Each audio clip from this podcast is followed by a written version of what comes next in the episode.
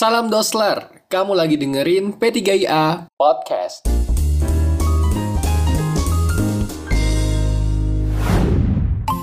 Assalamualaikum warahmatullahi wabarakatuh, Mbak Rinda, apa kabar? Baik, Alhamdulillah. Alhamdulillah baik ya. Sekarang lagi kosong aja nih, lagi free ya. Free banget karena quarantine.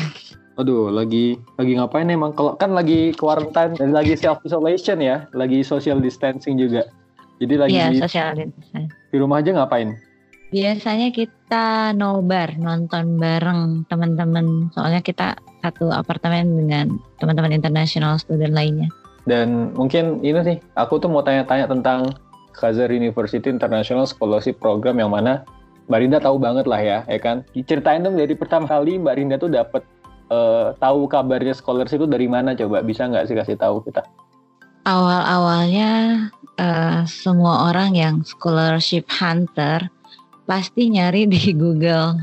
Nah, Scholarship 2018 misalnya, aku kan tahun 2018. Jadi eh, kita apply ke semua negara yang eh, buka scholarship ya. ah, Kita semua daftarin eh, ke semua negara. Ya Bismillah aja eh, negara mana yang terima. Itu itu emang eh, Mbak Rinda udah pernah eh, coba apply ke negara apa aja tuh Mbak? Eh, Brunei, Ah, Brunei sih karena expire IELTS-nya disuruh ulang. Eh, terus ke mana lagi ya? Kalau Singapura sih aku ngelamar jadi guru, guru bahasa Indonesia. Eh, Alhamdulillah sih sudah tahap wawancara, tapi fail ternyata. apa? Hmm, saat itu aku lagi ngajar, jadinya nggak fokus deh eh, hasil wawancaranya kayaknya. Jadi Mbak, Mbak, Mbak Rinda dulu juga pernah ngajar ya, ngajar bahasa Indonesia, mainly ngajar bahasa Indonesia gitu. Bahasa Indonesia untuk orang asing. Wah, udah pernah ngajar di mana aja tuh Mbak? Aku di International School Madania, Di mana? Madania International School. Sama ini apa? Guru bahasa Indonesia di Madania School. Oh, ya sama aja Madania itu kan guru bahasa Indonesia Iya gitu. untuk untuk foreigner ya berarti ya. Sama di apa namanya guru bahasa Inggris sih. Tapi untuk para TKW yang ingin pergi ke luar negeri. Oh, oke. Oh, ngajarin bahasa Inggris buat TKW juga. Jadi udah pas pengalaman ngajar bahasanya udah sangat luar biasa nih Mbak Rinda ya nggak? Udah banyak lah kan pendidikan kan jurusannya juga. Dulu S1 juga pendidikan ya Mbak ya? Iya, pendidikan. Oke. Nah, nah kan tadi lanjut lagi back to topic. Kita eh, apa namanya? Tadi Mbak Rinda sempat cari-cari daftar juga di apa University Brunei Darussalam bukan sih? Iya, pokoknya yang semuanya di cover sama Brunei. Dan Ya, itu itu memang satu- sangat apa ya kompetitif ya. Banyak banget yang pengen ke sana. Karena University Brunei Darussalam itu emang ternyata salah satu kampus yang terbaik di Asia Tenggara gitu, bahkan di atasnya UI loh. Iya, dan juga di cover semuanya kan. Tahu sendiri Brunei Ya. negara kaya.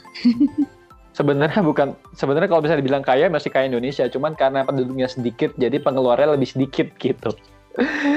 gitu. Iya sih, Indonesia lebih kaya pastinya. Ah, Tapi karena anaknya banyak, penduduknya Iya. banyak, dia harus lebih hemat. Intinya, semua diawali dengan googling. Widih. Googling aja dulu, gak usah nanya-nanya sama orang, langsung aja tanya sama Google kalau zaman sekarang. Oh gitu. Jadi pede aja cari aja di Google gitu. Ketika itu emang Mbak nyari-nyarinya di negara-negara yang ini ya atau asal nyari aja Google gitu. Apa emang iya, udah eh, tahu? aku enggak sih, aku memang nyari negara yang nggak kompetitif. Karena aku tahu banget yang namanya Aussie, eh, aku tuh ya IELTS-ku nggak high banget gitu kan. Oh, tahu, mungkin tahu aku dikit nyari ya. yang UK gitu kan. Kita tahu diri lah gitu. Kita Iya. tuh yang istilahnya pinter-pinter banget juga enggak, ya blow on Oke. banget juga enggak gitu. Kita tuh punya quality juga, tapi kita sadar diri kalau masih banyak yang lebih dari kita. Jadi ya tapi jangan apa ya putus asa walaupun kita ini nggak sesmart orang-orang lain, kita pasti juga ada kesempatan buat kita di suatu negara. Dan saat aku googling, entahlah ada di situ Kaiser University Scholarship. Lalu Oke. aku klik dan Aku walaupun aku nggak tahu ya apa itu Azerbaijan dan negara apa. Serius aku nggak tahu negara tersebut saat aku klik. Kalau nggak salah itu ya aku aku pernah dengar juga kan Barinda tuh pernah juga daftar waktu tahun 2017 ya nggak sih? Ya betul.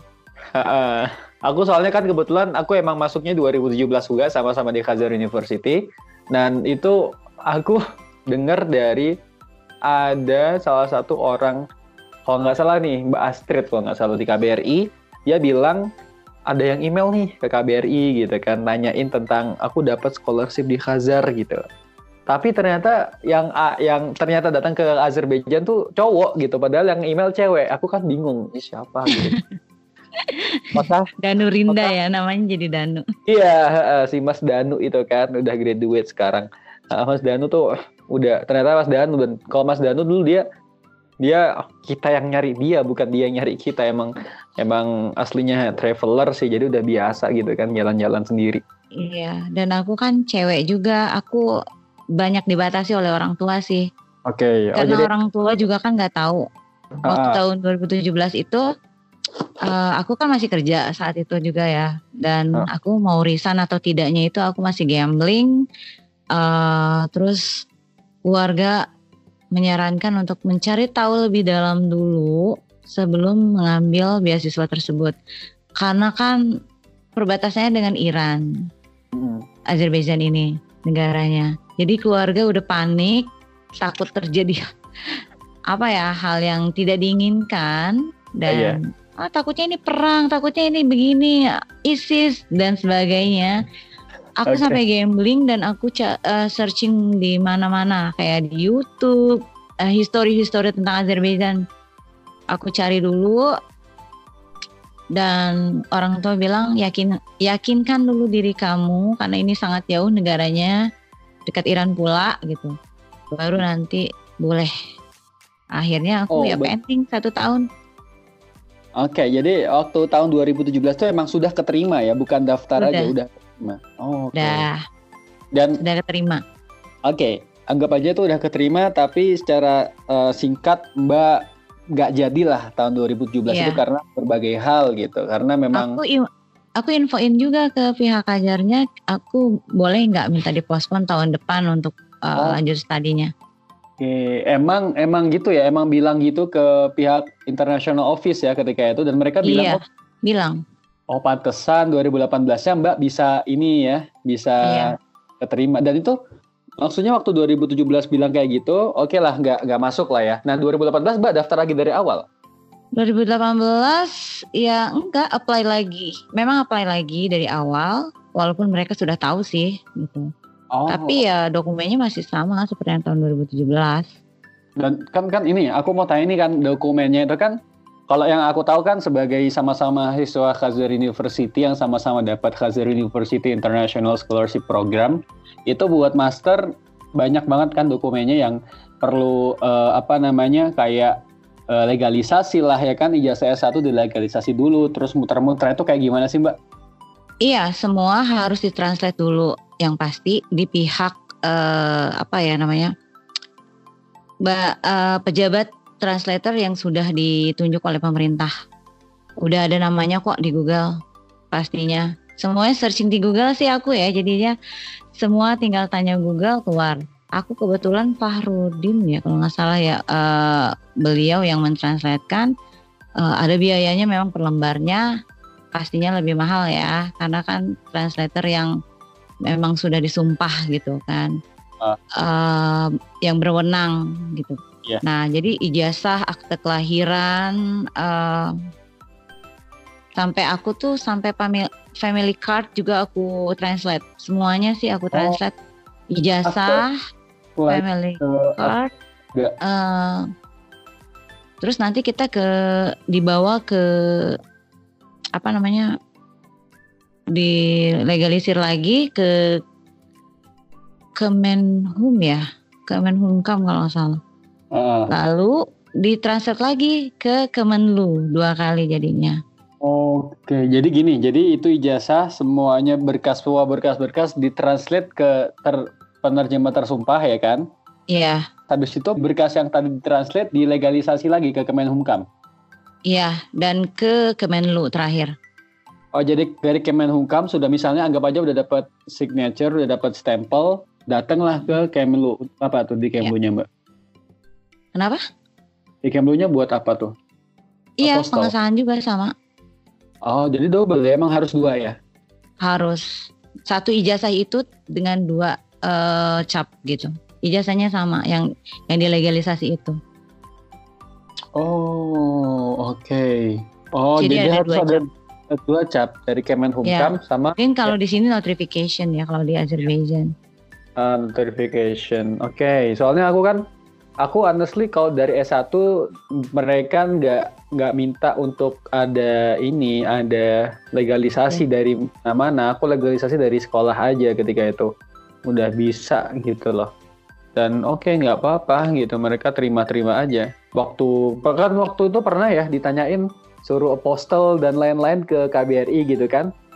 Mm-mm. Aku tuh aku tuh ini datang ke international office terus tanya ini aku gimana perlu nggak apostle oh nggak kamu S1 kan bachelor iya nggak usah katanya udah makanya aku nggak tahu karena nggak tahu yang kayak gitu mungkin teman-teman semua yang lain eh, yang mau kuliah di Azerbaijan kan pengen tahu gitu kan bagaimana secara lah secara jelasnya gitu. Ternyata semua ijazah di semua berkas-berkas yang diperlukan tadi kayak ijazah transkrip nilai dan ada surat rekomendasi juga ya nggak sih? Iya, aku kalau aku karena aku minta surat rekomendasinya ke pimpinan aku sih, bukan ke rektor aku, Ah, bukan ke itu kan bisa bisa ke mana aja recommendation letter. Ke tempat Ah. kerja aku atau ke eh, dekan aku ya, Iya, atau ke rektor lah kalau misalnya deket sama rektornya. Nah, tapi kalau aku lebih memilih ke kebetulan aku kerja di dua tempat, jadi aku dapat surat dua rekomendasi dari eh, Madania School dan SMPN 12. Oh oke kan di tempat Mbak kerja tadi itu ya dua rekomendasi itu ya Iya, dari pimpinan aku. bagus sih bagus sih soalnya kalau udah ada pengalaman kerja itu udah jadi nilai plus juga sih menurut aku karena melihat eh, melihat si Mas Danu juga gitu kan. Mas Danu kan dapatnya 100% tuh kan scholarship. Dan aku lihat dari dia itu memang dia ini eh, pengalaman kerjanya yang sejurusan yang maksudnya masih selinier dengan jurusan dia itu ada gitu loh. Dan banyak sangat banyak gitu pengalaman kerjanya. Jadi itu menjadi nilai tambah. Akhirnya bisa dapat 100% dan emang aslinya orangnya pinter ya. Nilainya A, A, A, A semua 9 semua ya sudah ya kayak gitu ternyata ya Iya. oke Iya, dan di Kazar pun alhamdulillah ya eh, kalau nilainya bagus dapat tambahan beasiswa dari pemerintah. oh ini ya yang yang ini yang pakai itu ya bank itu Pakai GPA. yang dapat duit dari bank itu maksudnya Iya. oh iya iya iya sama-sama berarti ya nggak tahu tapi nggak bisa diambil Gak bisa maksudnya diambil. nggak aku aku di sini nggak bisa diambil mungkin di Azerbaijan Kan aja. harus buka harus buka ini dulu. Iya, iya, iya. account. Ah, Halkbank kan, Halkbank aku udah, aku bikin juga sama, aku ada. Tapi sampai di sini aku nggak bisa ngambil karena mungkin itu nggak tahu ya regul- regulasinya beda. Ah, Oh maksudnya kamu di Turki nggak bisa ngambil? Mungkin cuma bisa di Azerbaijan aja. Itu. Oke, lanjut lagi nih kan. Dari tadi Mbak udah ini ya, udah em, ngumpulin semua berkas di email ke internasional Ya Oh. di scan terus di email. Oke, scan di email dan ketika itu langsung dapat info bahwasanya dapat beasiswa 75% ya.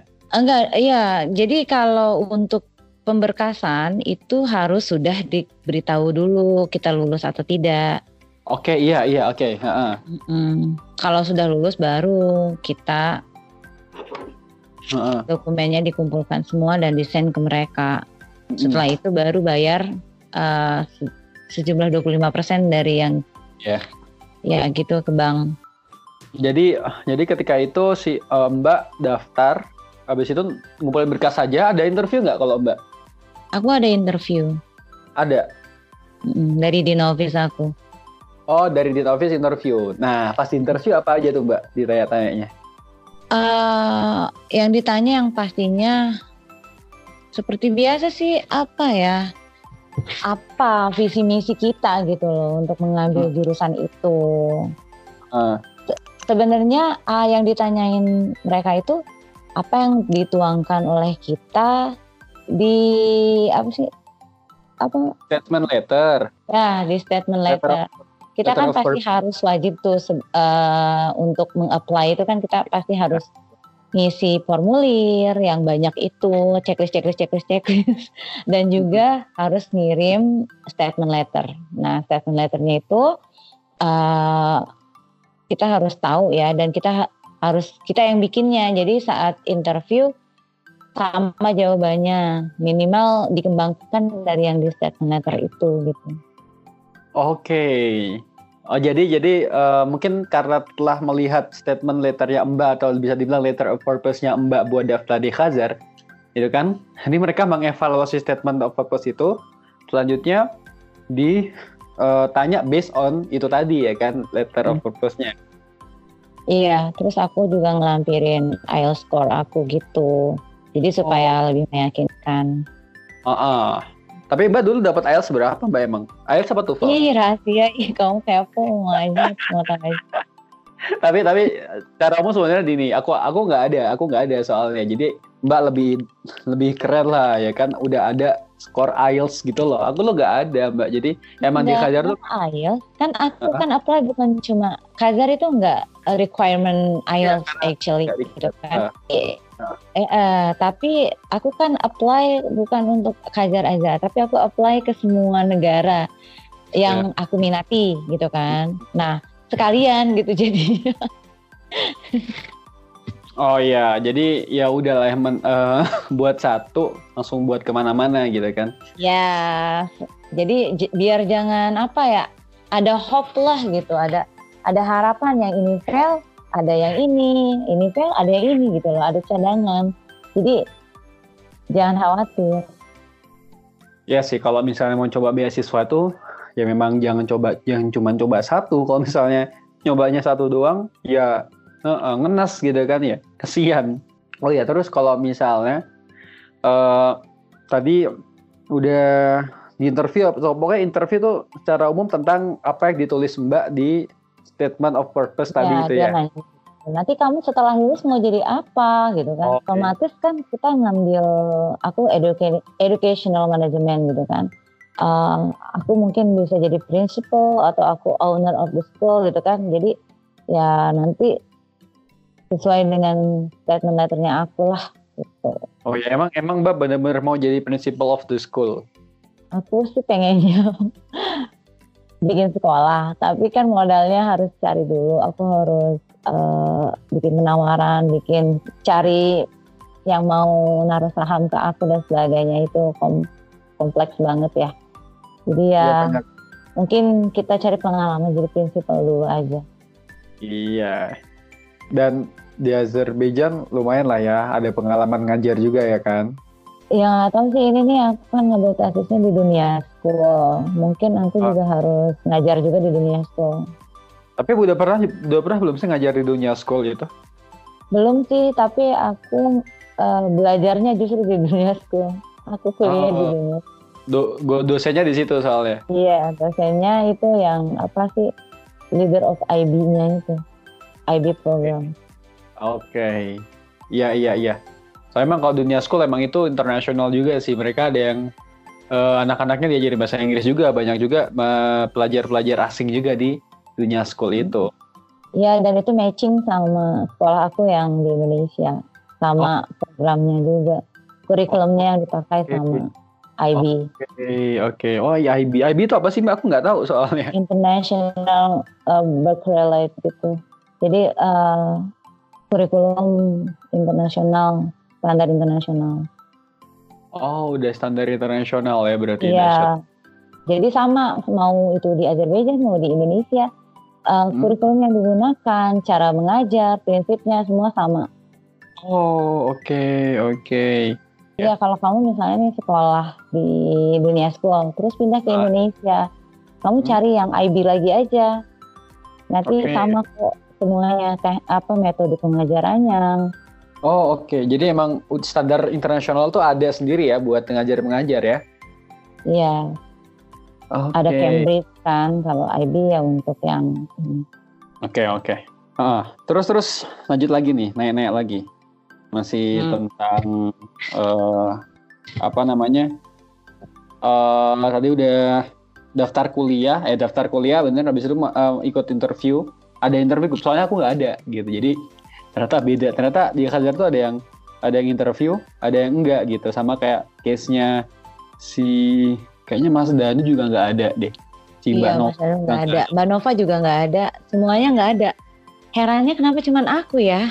karena mungkin itu menarik gitu Eh. menarik nih gitu Hmm, sebenarnya Iya. Eh, waktu itu tuh kebetulan aku lagi di Bali, lagi nemenin aku, temen aku yang orang Korea datang ke Bali. Terus aku lagi di pantai dan suaranya tuh berisik dugeman gitu. Lagi interview itu Enggak, aku bilang, can I postpone the video call? Aku bilang, baik banget. Akhirnya dia kasih waktu eh, jam berapa sih? Jam 7 di Indonesia aja. Pokoknya aku di Bali jam 7 dia eh, dia bilang nanti aku telepon lagi jam 7. Aku minta tolong banget sama temen aku Eh, supaya pulang lebih cepat ke hotel karena aku mau video callan. Ya udah aku video callan deh. Ya udah deh lancar. Kebetulan alhamdulillah banget kan aku kan di Indonesia jarang gunain bahasa Inggris kan. Iya. Kan aku ngajarnya bahasa Indonesia. Jadi aku tuh guru bahasa Indonesia di international school gimana sih? Harus Oh. menggunakan bahasa Indonesia. Gak boleh ngomong bahasa Inggris. Kebayang Iya. dong. Nah, jadi apa ya?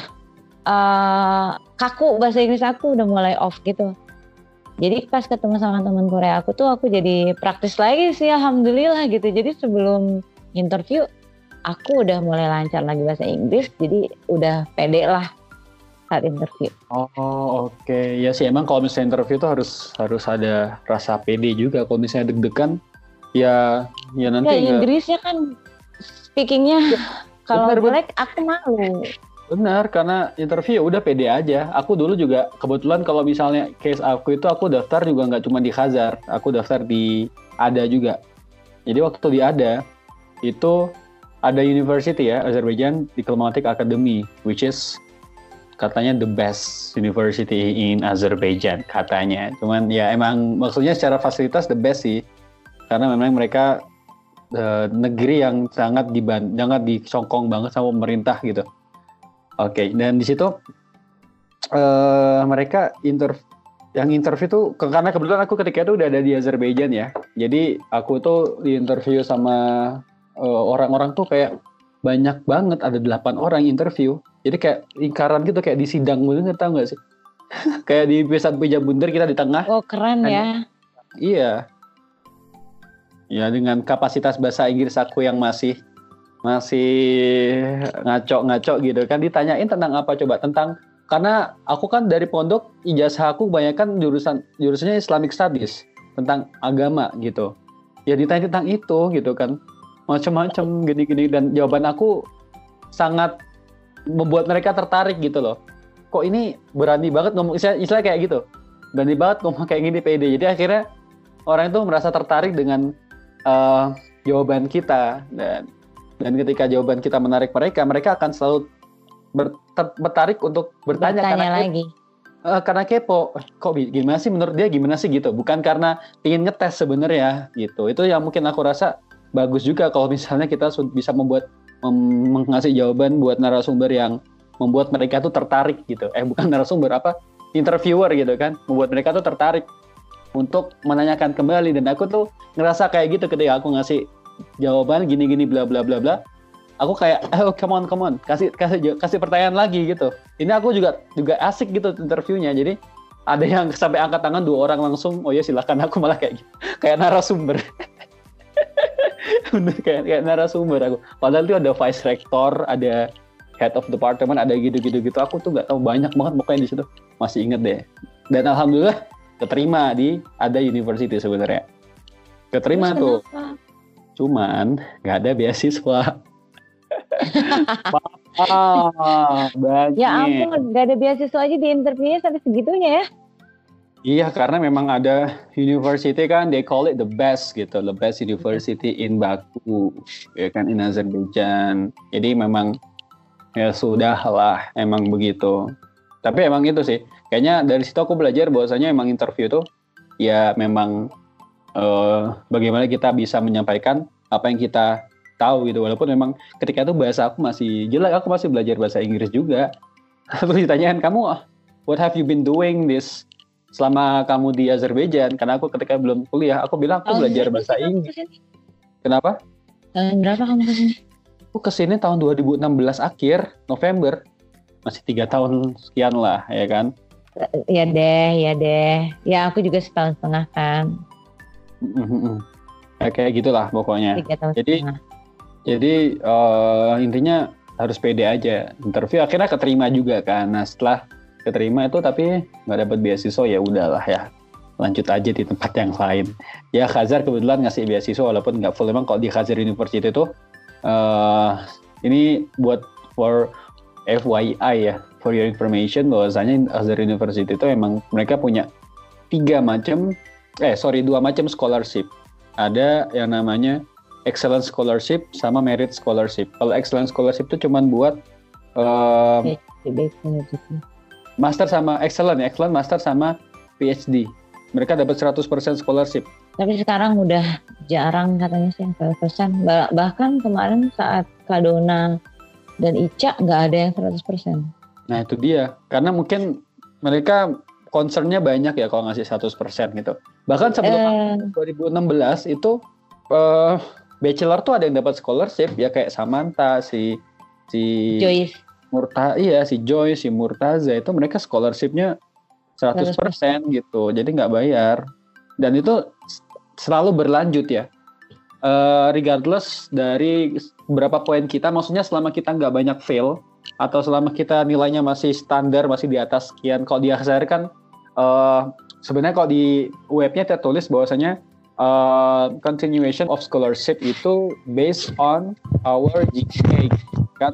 Tergantung GPA kita ya kan? Tapi ternyata GPA juga sebenarnya ngaruh cuman nggak terlalu gitu nggak terlalu ngaruh banget gitu. Walaupun ada nilai yang jelek tapi insya Allah masih dapat lah lama nggak nggak parah-parah banget gitu kan kayak gitu uh, Mas Danu tuh ternyata kan MBA ya kan ternyata beda fakultas tuh beda juga loh uh, kamu kan dapat kan aku juga dapat beasiswa gitu kan dari pemerintah dari GPA-nya Mas Danu yang 100 apa namanya nilainya 100 semua itu nggak dapet tuh. Oh MBA itu nggak dapat scholarship itu? Enggak. Enggak. Yang maksudnya yang dari pemerintah? Iya. No, no, no. Itu dan tahu nggak sih itu scholarship itu baru ada tahun ini aja. Tahun kemarin nggak ada kan? Iya sih. Tapi karena katanya ini sih apa karena nggak tahu ya kenapa international student diikutin. Biasanya sih enggak katanya. Katanya. Nggak, nggak tahu mungkin regulasi baru kan melihat international student semakin semakin merana mungkin di Azerbaijan banyak yang mau kerja nggak bisa. Bener, bener, emang, banyak emang emang susah sih maksudnya nyari kerja. Apa sih paling bisa ngajar doang kan nggak bisa yang kan emang nggak boleh nggak boleh kerja. Iya emang nggak boleh kerja. Uh, kalau di beberapa negara Eropa kayak di Jerman di mana itu mereka memang bisa kerja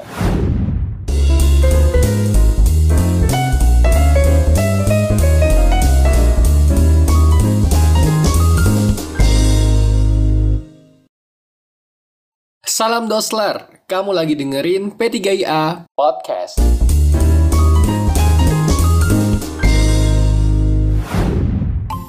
Sekarang ini nih, itu kan tentang tadi udah kita udah ngobrol tentang apa namanya scholarship ya. Terus kalau misalnya secara ini ya, intinya Mbak udah keterima, udahlah masuk ke Azerbaijan gitu kan. Sebelum sebelum ke Azerbaijan tuh apa sih yang Mbak pikirkan tentang Azerbaijan dulu? Aku bener-bener Bismillah banget. Ini tuh negara Asia apa Eropa sih gitu kan? Ini masuknya uh. daerah mana? Terus uh, saat dicek kan ini nggak jauh beda sama Turki, tapi juga bekas jajahan Uni Soviet. Berarti ini uh. apa ya? Negara yang unik sih di pikiran aku. Aku pengen tahu malahan jadi malah kepo dan malahan penasaran, bikin penasaran aja. Aku harus aku harus ke sana. Justru ini kayaknya negara yang unik negara yang menurut aku ada sesuatu ada sesuatu yang luar biasa di sana. Ya aku ya udah aku yakinin keluarga aku gak kenapa-napa kok. Insya Allah aman gitu. Oke. dan Akhirnya keluarga aku tahu ah itu tuh perang gitu antara Armenia dan Azerbaijan gitu kan. Mereka tahu. Dan Oh. mereka was-was gitu sih itu kan perang itu kan negara perang dulunya gini gini gini Eh, pokoknya eh, banyak apa Iya, sih iya. berita-berita yang negatif kan tapi setelah sampai di Azerbaijan gimana tuh Mbak? yo peaceful nice people Oke. Yang Jadi pasti emang- ini sih yang bikin aku kaget. Ternyata tuh banyak sejarah Islamnya dan aku tuh nggak dapet saat aku searching di apa itu Azerbaijan, bagaimana Azerbaijan itu nggak detail banget sih kalau menurut aku, nggak di paling atas lah istilahnya yang uh, Islamic history in Azerbaijan gitu. Harus ada mungkin artikel yang mungkin ada di halaman pertama Google gitu Islamic history in Azerbaijan. Jadi kan makin apa ya? makin orang-orang tertarik gitu. Dulu masih sedikit. Setelah aku di sini udah banyak tuh sekarang apa eh, artikel-artikelnya ya. Oke, tadi kan udah ngobrol tentang pertama kali Mbak di Azerbaijan ternyata memang Azerbaijan punya sejarah yang banyak ya, maksudnya yang yang Mbak nggak dapetin dulu ketika searching-searching dan ternyata membatas semua apa yang dipikirkan sama keluarga Mbak di Indonesia nggak sih? Yes. Wow, kayak Tapi gimana aku- tuh? Aku bikin visa nih nih. Oh, eh, ada sedikit ini Iya. sih ya apa eh, Ah. ceritanya. Waktu Hmm. aku bikin visa di kedutaan Azerbaijan di Jakarta, mereka Hmm. tuh bilang, "Oh, kamu beruntung ke Azerbaijan. Eh, kedutaannya bagus, banyak kegiatannya, terus Pak Dubesnya juga nice. Pokoknya dia support aku gitu. Jadi makin penasaran dan terus aku beruntung dong, Mbak, aku ke Azerbaijan. Iya, pasti kamu bakal seru deh di Azerbaijan. Eh, dubesnya baik, humble. Pokoknya kamu ke sana aja, banyak kegiatan yang akan kamu lakukan, kata dia gitu. Jadi aku Hmm. positif banget, makin semangat eh, berangkat ke Azerbaijan saat bikin visa. Seneng banget. Oh, jadi memang orang ini ya staff embassy Azerbaijan di Indonesia mereka encouraging banget ya, encourage Mbak Iya. buat ke Azerbaijan lah. Iya, Dan apa yang mereka katakan nggak bohong lah ya. Nggak bohong, memang bener banget dan aku enjoy di sini. Aku seperti family ya di sini dan orang-orang tuh pada envy sama aku yang di negara-negara lain. Kata mereka, enak ya eh, over over attention lah, Eh, eh, berlebihan sih perhatiannya dari semua warga, dari Pak Dubes, dari Bu Dubes, dari warga-warga sini juga gitu, nggak nggak cuek gitu sama mahasiswa. Jadi semuanya care. Gimana sih rasanya bahagia banget kan? Iya sih. Dipeduliin sama semua orang. Benar-benar apalagi kan memang memang karena Azerbaijan sendiri eh ininya kan kecil ya kan, apa namanya? negaranya kecil gitu. Jadi ya apa namanya? Penduduk Iya. Indonesia-nya pun sedikit. Iya, penduduknya sedikit gitu loh. Akhirnya Jadi KBRI sangat membantu. Ayomi, iya, sering kumpul juga ya kan, sering ngadain acara, gitu kan. Akhirnya yang kenal, kenal sama orang KBRI. Oke, em, jadi intinya apa ini apa nih Mbak? Kesan mungkin pas sudah di negara Azerbaijan, selama Mbak di Azerbaijan gitu apa nih yang Mbak rasain? Aku eh, kenapa? Kan kamu juga nanya saat aku tinggal di Azerbaijan kok bisa kok bisa nyewa apartemen. Pertama adalah banyakin teman Oke. banyakin teman nanti mereka yang akan menginfokan kita dari sekian banyak teman itu eh, ada satu yang akan sangat membantu pastinya Oke. dan Iya, iya. alhamdulillah waktu itu ada teman aku eh, Ali yang bantu ya untuk nemuin apartemen ini dan mungkin aku pikir aku bisa katakan Allah maha baik sama aku aku orang yang beruntung Heeh, heeh, heeh. Aku nggak tahu Allah selalu memberikan aku yang baik aja. Mm. Ya, jadi aku punya prinsip soalnya berbuat baiklah maka Allah akan baik sama kamu. Ya itu sih prinsip aku dan aku rasain itu kerasa banget. Jadi Allah selalu memudahkan aku dalam hal apa pun eh, baik banget. Kayak nyari apartemen ya dimudahin sama Allah dan aku di sini sampai jujur udah hampir setahun ya ini nggak pernah pindah-pindah dan semuanya pada jealous karena dapetin apartemennya yang lumayan nice, Heeh. cozy gitu kan. Heeh. Tapi ya eh, ada liftnya juga gitu fasilitasnya lengkap tapi harga lumayan ya Standar lah ya. murah. murah bisa kalau di Azerbaijan bisa dibilang murah ya lah ya lah Iya. Iya, Aku iya. kan 500 manat kal eh, karena kita berempat bisa dibagi empat jadi 125 manat per orang. Bayangin eh, dibandingkan dengan harga dom yang 187 manat, fasilitas yang seperti itu gitu kan. Dengan fasilitas yang ini lebih murah tapi fasilitasnya lebih lengkap, ada dapur, ada semuanya. Oh, cozy juga, easy to do it anything like ya semuanya Alhamdulillah, Alhamdulillah, thankful banget sama Allah. Iya, asik ya. Jadi dulu emang pertamanya kan Mbak, kan aku yang jemput tuh, ya kan Mbak aku bawa ke dormi dan emang dormi mungkin kurang cocok lah buat Mbak ya, ya. Nggak bisa Iya, masak, aku turun kan? berat badan. turun. Aku turun Turun. berat badan 10 kilo ya, waktu dua bulan di uh, dormi. Dua bulan ya di itu. Iya, dua bulan aja. Oke. Oh jadi dua bulan habis itu akhirnya dapat apartemen sampai sekarang masih di situ ya? Ya, mager. Oh mampir pindah emang emang karena lantai lantai atas ya. Enggak, kan kemarin juga aku dapat yang baru sebenarnya sih. Uh, besar, lebih besar, lebih ini. Tapi kan di Emlar gitu kan. Oh iya Di iya iya.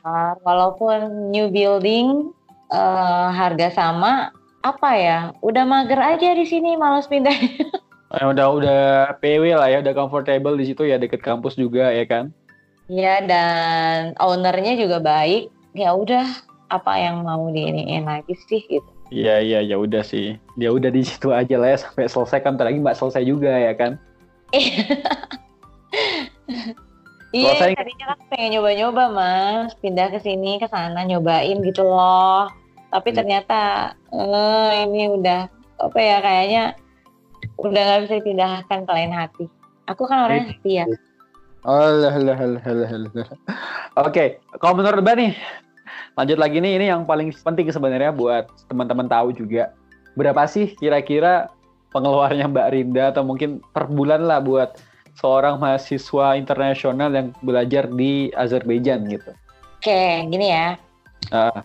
Tadi kan udah aku kasih tahu ya, 125 manat per bulan untuk biaya apartemen. Itu apartemen itu exclude listrik, gas, air, dan lain-lain ya. Ah, ah. Jadi untuk bayar listrik dan lain-lain 20 manat. Jadi 145 Oke. manat ya totalnya. Ah, ah. Hmm. Pulsa aku yang di luar, walaupun di rumah ada wifi yang tadi udah include 20 manat itu, uh, aku masih butuh uh, pulsa kan untuk internet paketan Ah. ya 6 GB. Pokoknya aku isi 10 manat aja untuk sebulan. 10 manat sebulan. Udah Ah. tuh. 10 Oke. manat sebulan berarti 155 ya kan? Ah, ah. Eh, transport karena aku dekat dengan Kazar bisa jalan kaki jadi kadang aku free. Tapi kadang kalau lazy alhamdulillah ada bis yang langsung ke apartemen aku. Nomor 32 iya. Ah.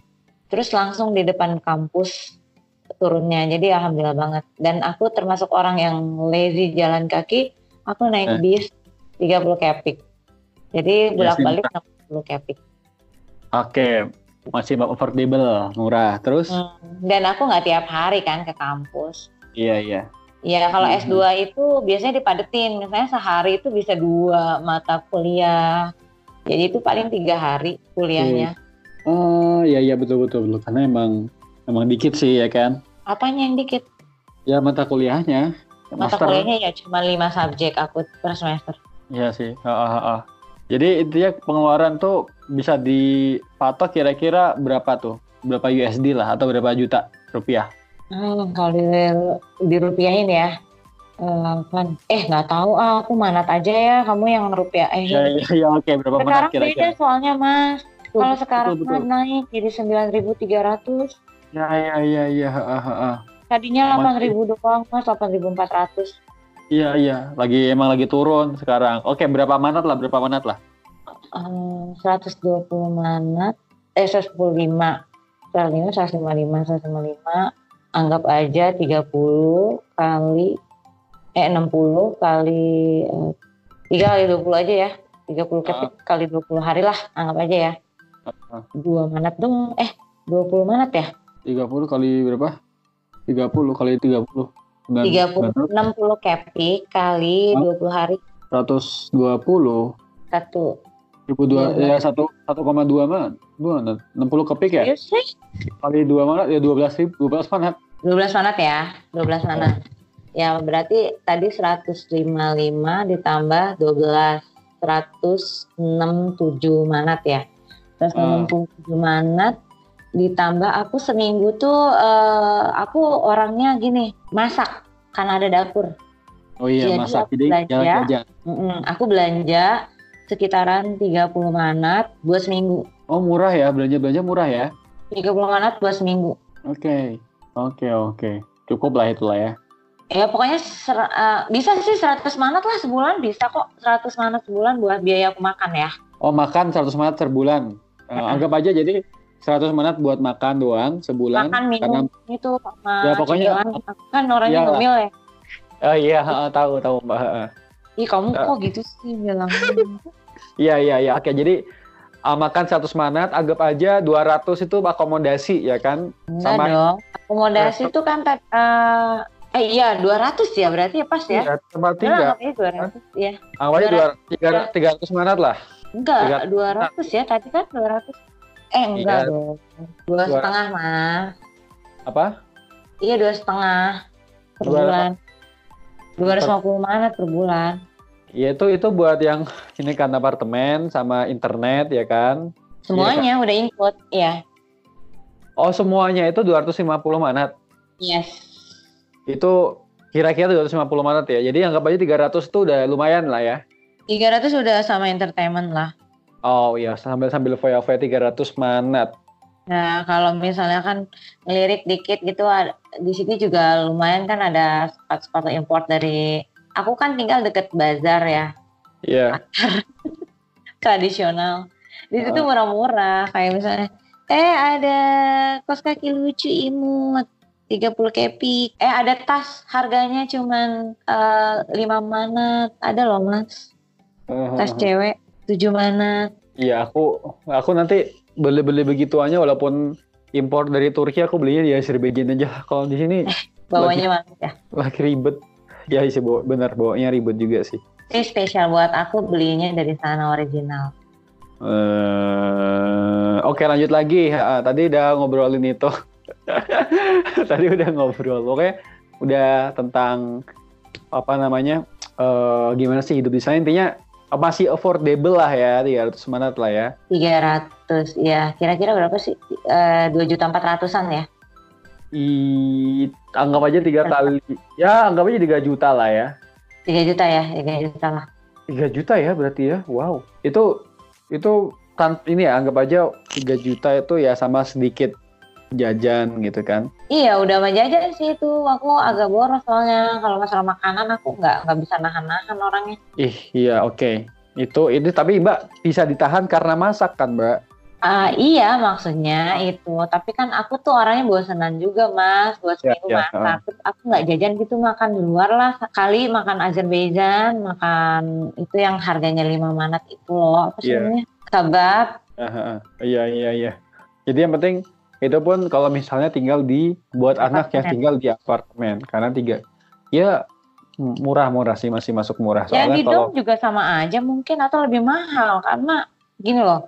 Kalau di dom itu kan 187 manat.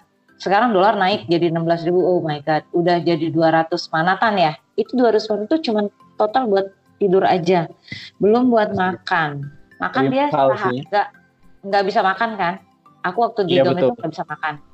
Jadi Ah. makannya pasti di luar kan, di kantin kan. Ya, ya kalau misalnya nggak cocok sama makanan kantin dormi ya makan di luar akhirnya kan. Nah itu tuh tiga manat sekali makan. Anggap aja kita dua kali lah kalau aku ya karena cewek. Kalau cowok kan tiga kali makan. Iya. Tiga manat kali tiga, sembilan. Heeh. sehari 10 manat lah ya anggap aja. Sembilan kali 30 hari, 270 manat ya lebih iya, boros iya, sih iya. jadi iya. 470 jadi 500 manatan gitu kan. Oh iya iya betul betul betul betul betul. Masuk akal masuk akal.